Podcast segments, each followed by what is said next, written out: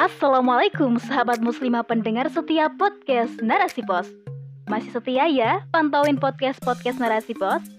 Baiklah, saya Devi Fitriana di episode kali ini akan membawakan rubrik Syiar.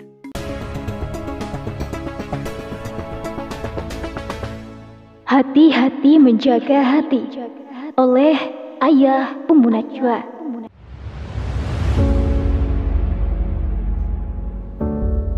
Sobat, hati manusia itu cepat kotor, dan ketika hati telah kotor, maka semua cahaya kebaikan akan menjadi mati dan suram. Seorang hamba harus sering-sering membersihkan hati, karena hati yang legam dan penuh kotoran adalah hati yang tidak akan mendapatkan ridho dari Allah.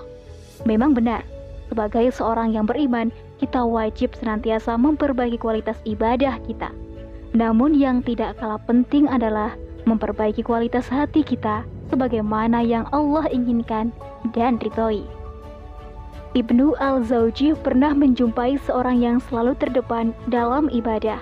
Tapi ketika diuji oleh Allah berupa wafatnya putra yang sangat dicintainya, maka dia menggugat Allah dan berteriak, Mengapa engkau tidak pernah mengabulkan doaku, padahal aku selalu terdepan di soft sholat?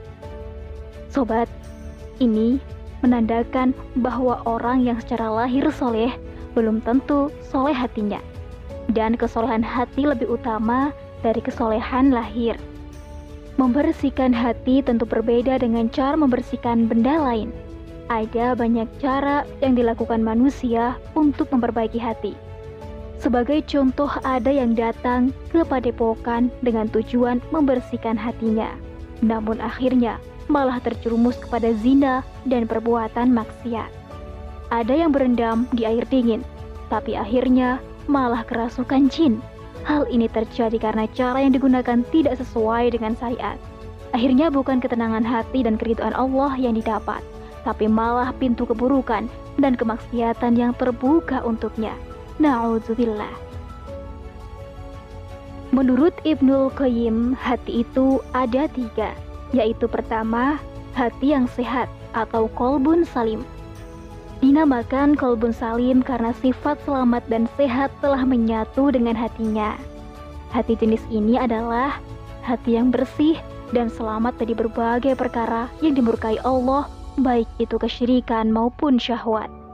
Ia hanya murni menghambakan diri kepada Allah, ikhlas semata-mata mencari ridho dan cintanya. Segala aktivitasnya, ibadahnya, kehidupannya ia tujukan hanya untuk mencari ridho Allah. Jika mencintai, maka ia mencintai karena Allah. Begitupun jika ia membenci, maka ia membenci karena Allah. Ia pun menjadikan Rasulullah sebagai teladan dalam kehidupannya. Bagi mereka yang memiliki hati ini, maka ia akan selamat pada hari kiamat kelak sebagaimana firman Allah dalam surat Asy-Syu'ara ayat 88 sampai 89 yaitu pada hari yang tak ada lagi guna harta juga anak-anak laki-laki kecuali orang-orang yang menghadap Allah dengan hati yang bersih. Yang kedua, hati yang mati, yaitu hati tanpa kehidupan. Ia tidak mengenal robnya, sehingga ia tak tergerak untuk beribadah kepadanya. Nafsu dan kesenanganlah yang senantiasa ia puja, sehingga segala aktivitasnya senantiasa menuruti apa kata hawa nafsunya. Jika ia mencintai, maka ia mencintai dengan hawa nafsunya. Jika ia membenci, ia pun membenci karena hawa nafsunya. Yang ketiga, hati yang sakit, yaitu hati yang hidup namun keadaannya sakit ada dua unsur yang saling bertarung dalam dirinya. Tatkala ia berhasil memenangkannya, maka hatinya sedang dalam suasana cinta kepada Allah, takut, keimanan, keikhlasan, dan ketakwaan kepadanya. Dan inilah yang disebut nutrisi kehidupan hati. Akan tetapi, terkadang ia menjauh dari Allah dikarenakan ada rasa dengki, ujub, takabur, cinta dunia, zalim pada dirinya, bahkan hingga membuat kerusakan di muka bumi. Maka inilah faktor penghancur hati. Tak jarang, kadang ia menjadi baik dan kadang ia menjadi jauh dari kebenaran. mayoritas manusia adalah pemilik hati yang sakit. Cirinya adalah ia masih sering melakukan sesuatu amal tergantung dari atmosfer yang ada. Ketika kuat godaan untuk bermaksiat, maka ia akan bermaksiat. Dan ketika dia ingin bertobat, maka ia pun bertobat.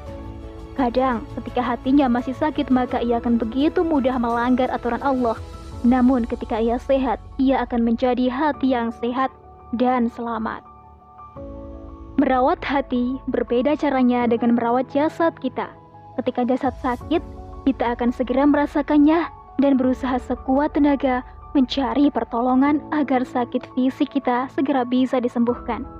Akan tetapi, jika hati yang sakit tidak akan selalu cepat terasa disadari, sehingga akan terus berlarut-larut sehingga akhirnya Allah menjauhkan kita dari hidayahnya. Jika fisik kita sakit dan kita ridho, sabar, serta ikhlas, maka pahala yang akan kita dapatkan. Kita akan diberi kebaikan dan Allah akan meringankan dosa-dosa kita. Jika jasad yang sakit, maka ada peluang untuk disembuhkan oleh Allah. Namun jika hati yang sakit, maka Allah akan terus menambahkan penyakit di dalam hatinya. Apabila kita tidak terapi dengan senantiasa mendekatkan diri kepada Allah dan terus memperbaiki tobat kita, sakit fisik akan menjadikan semua makanan yang kita konsumsi menjadi tidak nikmat dan tidak lezat.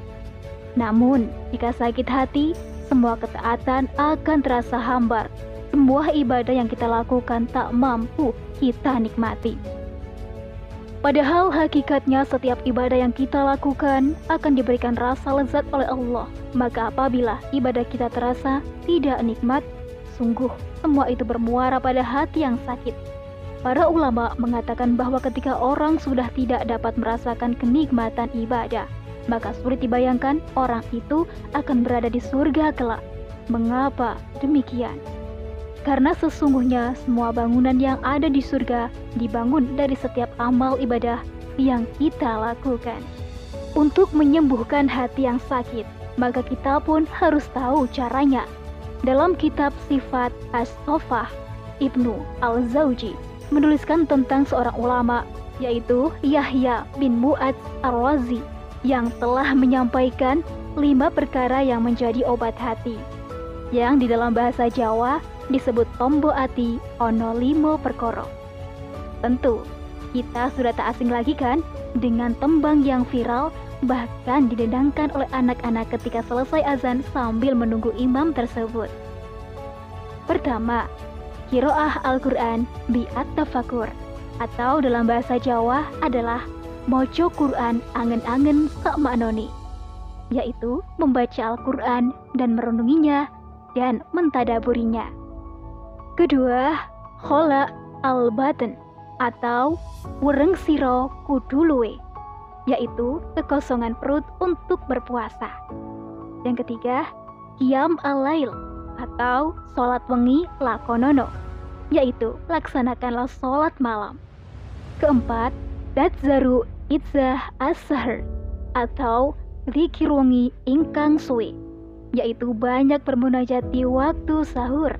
Yang kelima, mujalasah as-salihin atau wongkan soleh kumpulono yaitu jadikan orang-orang soleh sebagai teman duduk atau sahabat. Nah, para ulama telah memberikan kita trik-trikan bagaimana menjaga dan merawat hati kita. Bahkan cara menyembuhkan ketika hati kita sakit yaitu senantiasa bergaul dengan Al-Quran, beribadah, dan jauhi maksiat, jaga sholat malam, berkumpul dengan orang-orang yang soleh, agar hati kita senantiasa terjaga dari keburukan dan kemaksiatan. Wallahu a'lam.